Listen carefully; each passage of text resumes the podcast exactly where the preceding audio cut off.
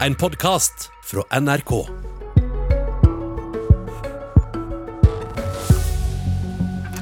I dag kommer beskjeden om at vi skal skjerpe oss enda litt mer. Kanskje skal vi ha på oss munnbind i butikken. Kanskje skal vi droppe både konfirmasjon og eh, brylluper. Hvis vi nå tar et krafttak i november og begynnelsen av desember, ja, da har vi en mulighet for normal julefeiring med våre nærmeste. Men eh, hvor svart skal denne høsten egentlig bli? Tusener av leger og forskere har nå signert et opprop. De mener tiltakene rammer for hardt. Strategien er feilslått. Ja, velkommen til Politisk kvarter. 150 sjeler dukka opp på den første demonstrasjonen mot koronatiltak utenfor Stortinget i går. I Spania, i Polen og i Storbritannia har de vært adskillig flere, men det finnes også motstandere som ikke går i tog. Charlotte Haug, du er lege, forsker på Sintef bl.a., og var i mange år redaktør for tidsskriftet for Den norske legeforening. Du har skrevet under du på et internasjonalt opprop med mange tusen leger og forskere. Dere mener eh, koronatiltakene er for strenge. Og det står i dette oppropet at de som ikke er sårbare, de må få fortsette sine liv. Forklar hva du mener er feil. Det er to hovedproblemer med de tiltakene som eh, er foregår nå. Det første er at tiltakene er for generelle og for lite målrettede. Nå som vi ikke lenger er i en akutt fase av denne pandemien. Eh, hensikten med det vi gjør, eh, og hensikten vi alle ønsker å gjøre, er å redusere alvorlig sykdom og død. Eh, og helt i begynnelsen av en pandemi så kan det være helt unntaksvis grunn til og nødvendig å innføre mer generelle og veldig inngripende tiltak som begrenser folks handlefrihet og bevegelsesfrihet. Slike tiltak har begrenset effekt, og det vet vi. Men det kan forsvares fordi det gir helsemyndigheter og helsetjenesten eh, litt tid for å få på plass eh, spesifikke mottiltak. Vi snakker da om eh, tiltak som varer maksimalt noen få uker. Nå derimot, som er ti måneder siden dette viruset ble kjent, så vet vi veldig mye mer. Vi vet mer enn nok om hvem som rammes hardest, hvordan vi kan unngå at disse gruppene smittes, eh, hvordan vi kan målrette tiltakene eh, vi setter inn. Og det er det vi må gjøre nå. Ja, hva er det, hva er det du mener må gjøres? Ja, Det vil si å beskytte de gruppene som er mest sårbare. Og Da tenker jeg sårbare i form av sårbare for å bli alvorlig syke, og også sårbare eh, i form av å bli smittet gjennom det nødvendige arbeidet de gjør. altså F.eks. bussjåfører, lærere, eh, de som jobber i dagligvare, helsepersonell, alle som jobber med rengjøring og søppel osv. Mange, mange flere. Vi vet hvordan de gruppene kan beskyttes, men det koster penger og omdisponering av ressurser. I norsk sammenheng dreier det seg først og fremst om eh, overføring av ressurser til kommunen og kommunehelsetjenesten. Men Betyr det at vi andre skal få lov til å ha festene våre i fred? Nei, vi skal selvfølgelig være ansvarlige og gjøre dette gradvis. Men er ikke, det, er ikke vi kommet omtrent like langt da? da? Da har vi jo fått strenge tiltak allerede. Ja, eh, men poenget er la oss først beskytte de som er mest sårbare. Får vi til det, så kan vi lette tiltakene. Men hvilke tiltak mener du skal ha ingen effekt? Altså, forskningsmessig vet vi litt om det. Eh, og, vi vet at helt i starten, veldig tidlig i en, eh, pandemi, så kan vi, kan vi redusere, bremse opp litt ved f.eks. å hindre store offentlige forsamlinger. Og selvfølgelig alle disse vanlige, eh, gode smitteverntiltakene som å vaske hender osv. som holder avstand. Det er jo veldig fornuftig, og det skal vi ikke men, men det er ikke noe dokumentasjon for å gå fra 20 til 10 på privat fest, eller altså den typen ting. Der, der, har vi jo ikke noe dokumentasjon. Så når regjeringen og Oslo kommune i dag har diskutert å gå ned fra 50 til hva vet jeg, 30-20 i eh, private sammenkomster, har ingen effekt, mener du? Det er ikke noen dokumentert effekt, men, men, selvfølgelig kan man tenke seg eh, at eh, det, det, kan ha en effekt. Men da må man begynne å veie hva tiltakene i seg selv eh, har av skadeeffekter. Eh, altså den såkalte tiltaksbyrden. Ja, nettopp. Espen Rostrup Nakstad, du er her morgen, middag og kveld for tida, og snakker selvfølgelig som assisterende helsedirektør. Er det på tide å gå litt mer inn på tiltak som har dokumentert effekt? La meg først si at eh, jeg tror dette er en veldig viktig debatt, og vi bør hele tiden eh, vurdere justeringer av strategien i Norge, og det har vi også gjort. Eh, og så er det sånn at I Norge har vi lagt oss på tre hovedpunkter. Det ene er det folk gjør selv, med å være hjemme når du er syk og holde avstand og sånn, og det klarer folk selv. Og det andre er dette vi kaller TISK, altså testing og isolering og smittesporing og karantenering i kommunene, som er veldig effektivt til å fange opp de som er syke. Og bortsett fra det, så er det egentlig situasjonsavhengige tiltak vi har i Norge, rettet inn mot der hvor det er utbrudd eller der det er mye smitte. Og dette er jo tiltak som er eh, mye mer inngripende enn i alle andre land rundt oss akkurat nå. Det er tiltak som har gitt god effekt, eh, og som eh, det er god dokumentasjon på har spart mange liv også, faktisk. Det er en ting jeg hører du sier veldig mange ganger, det er sånn at andre land har mye mer inngripende tiltak enn oss. Men det er vel også sånn at det er ingen andre land som har så lavt smittetrykk jo. som Norge akkurat nå? I Nei, Europa, er det det? Det er faktisk uh, I Europa er det ikke det. Men i den, store verden, nei, i den store verden så er det land som har klart å slå dette viruset nesten ned til null. New Zealand, Japan, eh, Kina. Mange land hvor de lever helt normalt i prinsippet og går på konsert 30 000 mennesker. Og Det er nettopp fordi de har tiltak når det dukker opp smitte og slår hardt ned, at de lykkes med det. Og, og Det er også godt belegg for at det å ha lite smitte i et samfunn gjør at det blir mindre nødvendig med strenge tiltak. Samfunnsmaskineriet går bedre rundt, og det lønner seg også økonomisk økonomisk, sannsynligvis. Så, så, vi vet veldig mye om hva som virker og ikke virker nå, sammenlignet med det vi gjorde for et halvt år siden. Charlotte Haug, kan du vise til noen land som har eh, tilsvarende suksess eh, ved å følge de kriteriene som du legger opp til?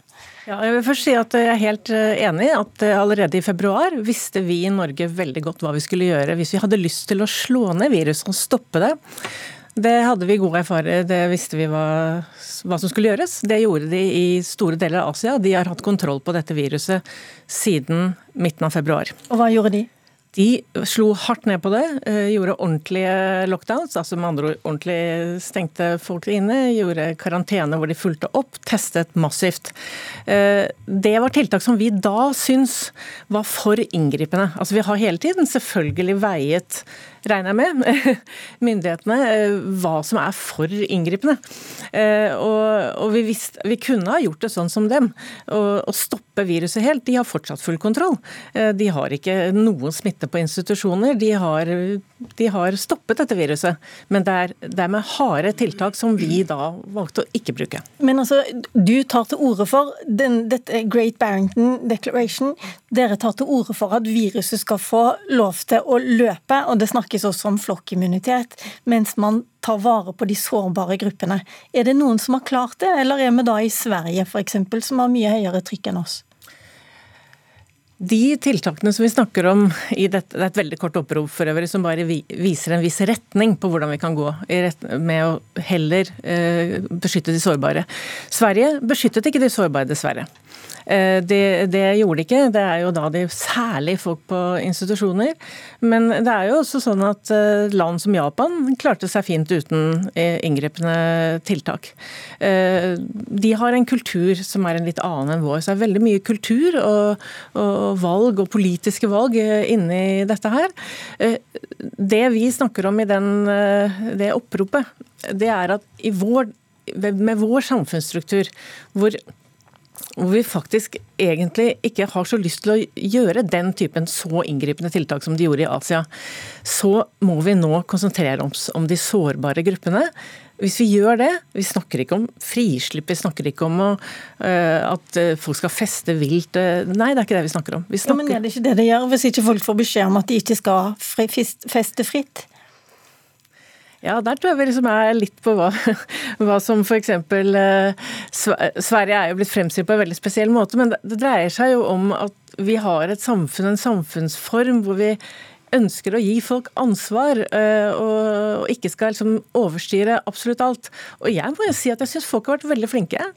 Eh, veldig ansvarlige. og jeg det er spørsmålet om å, hva som skjer når man gir folk det ansvaret, kontra hva som skjer hvis man gir strenge påbud som kanskje folk etter hvert ikke syns er eh, er nødvendige. Dere har også fått eh, anklager fra jurister som mener at dere ikke har vurdert forholdsmessigheten godt nok Nakstad, når dere kommer med inngripende tiltak. Det gjelder både eh, dokumentert effekt, men det gjelder også enorm inngriping i, i privatliv. Har dere lært noe av de erfaringene dere har gjort så langt? Vi lærte masse av erfaringene i Norge og utlandet. Jeg Lærte masse av Kina i februar. Jeg Fikk smittetallene raskere ned i Norge enn i Wuhan, hvis du ser på grafene. Rett og slett fordi folk fulgte godt opp i Norge, og det ikke var behov for lockdown i Norge. Sånn at uh, Vi lærte masse vi, før disse tiltakene ble iverksatt i mars. Men det som jeg har lyst til å si, det er at hvis det var sånn at vi virkelig kunne beskytte alle de eldre og sårbare veldig effektivt, og det å slippe viruset løs for de yngre aldersgruppene ikke ville få noen alvorlige konsekvenser, ja, da hadde dette vært en fantastisk strategi. Helt fantastisk. Problemet er at på sykehjem og sykehus jobber det unge mennesker. Det jobber unge mennesker som er i miljøer hvor det er mye smitte. Ingen land har klart dette, selv om man har utrolig strenge tiltak. Besøksforbud. De eldre har vært veldig isolert, med veldig uheldige konsekvenser i mange måneder. Og så er det et annet problem, og det er at også i alderen under 40 år, så er det mange som blir alvorlig syke, og det er dødsfall. Og ser du på statistikken fra USA, så er det faktisk ikke et neglisjerbart antall mennesker som vil dø også hvis viruset spres i de aldersgruppene. Og det vil også få store konsekvenser. Det er de to store problemene, dessverre, med dette, hvordan dette viruset forløper. Veldig kort, Haug, svar på det. Vil, hvordan klarer du å beskytte de aller sårbare, mest sårbare hvis smitten bare spres? Hvis bare tar de eldre da på institusjon f.eks., så dreier det seg f.eks. om å gi nok ressurser til kommunehelsetjenesten, slik at de har muligheten til å, til å beskytte. Og da sitter Raymond Johansen her og rister på hodet, faktisk. Du er byrådsleder i Oslo. Vi har Ressurser på, på å beskytte de aller svakeste. Derfor er også tallene lave. Så det er en snål diskusjon. Det er jo nettopp det som er litt av grunnen, også for vi er så vidt aktive for eh, retta mot andre grupper, sånn at smitten ikke skal spre seg inn i sykehjem og hjemmetjenestene. Det har vært en del av strategien. Og så langt har vi lykkes ganske bra, men muligheten for at det kan gå riktig ille hvis den generelle smitten øker. fordi antallet som er også i karantene, som jobber i primærhelsetjenesten, øker. Og da må vi ta inn mange vikarer på kort tid, og det er krevende. Men du må også ha diskutert mange ganger i løpet av disse månedene det personlige ansvaret som alle sammen har til å eh, holde smitten nede, kontra dette som nå skjer ved at eh, store deler av næringslivet i Oslo, utelivsnæringen, går nedover. Ja, Det har vært det viktigste budskapet hele veien. Og Oslofolk har vært veldig flinke. Det personlige ansvaret har vært veldig bra. Men det er klart at vi har eh, utfordringer i en by hvor de indre bydelene er 215 000 mennesker, bor tett, trangt.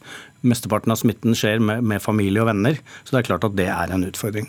Men kan du ikke se for deg da at enten så må det nå komme med veldig inngripende tiltak, f.eks. sånn som man hadde i Kina i starten, eller så må du bare si at nei, folk får ta ansvar for seg sjøl, vi må konsentrere oss om de sårbare gruppene. Nå skal vi legge fram eh, også en ny, ny, pakke og nye tiltak nå klokka to i dag.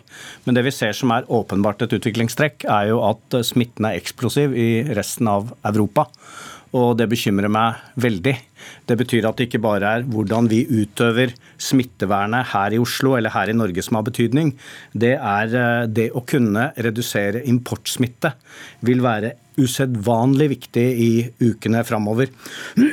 Vi er klar over at eh, Og hva ønsker du deg, da? Jo, det kommer hver eneste dag så kommer det mange, mange fly fra Polen. Det er dårlig kontroll, det er frivillig testing på eh, flyplassene. Vi vet at mange jobber i små virksomheter. Vi vet at det er mange som jobber svart. Vi vet at de jobber i private hjem. Eh, vi vet at det er svakt med norskkunnskap, sånn å tenke at man frivillig skal bare oppsøke teststasjonene, vil være krevende. Så jeg er spent på regjeringen. Vi har vært tydelige på at i hvert fall så må det være alle må testes, opptil flere ganger. Men man kommer jo inn til landet både på flyplasser, og man kommer også inn på landet uh, via uh, med kjører bil inn. Så jeg, jeg er veldig bekymra over det. Så det spørs om man ikke må vurdere enda mer drastiske tiltak en stund framover. Uh, et stykke etter at du har hatt din pressekonferanse, så kommer regjeringen med en pressekonferanse også i dag, hører vi nå. Og det nærmeste vi kommer regjeringen akkurat nå, faktisk, det er deg, Nakstad. Kommer det noen innskjerpinger når det gjelder importsmitte nå til slutt? Jeg skal ikke uttale meg om politikk, eh, men jeg kan si hva vi har jobbet med. og det er klart Vi har jobbet med mange av disse tingene, og, og byrådslederen har helt rett at verden utenfor oss påvirker oss veldig mye nå. Eh, og, og, det er vanskelig å isolere seg som en øy i Europa når smittetallene går rett til værs i alle andre land rundt oss. Så Det er en av de tingene som absolutt har betydning, men det er mange andre ting som har betydning. Men det som er positivt, det er at i Norge nå så har vi tross alt kontroll på de fleste smitteutbruddene, og folk er fortsatt flinke. Og det skal ikke så mange skjerpings til før vi klarer å få dette ned. Ok, Vi fikk ikke noen konkrete tiltak, men de kommer senere i dag. Tusen takk skal dere ha. Mitt navn det er Lilla Sølhusvik. Du har hørt en podkast fra NRK. Hør flere podkaster og din favorittkanal i appen NRK Radio.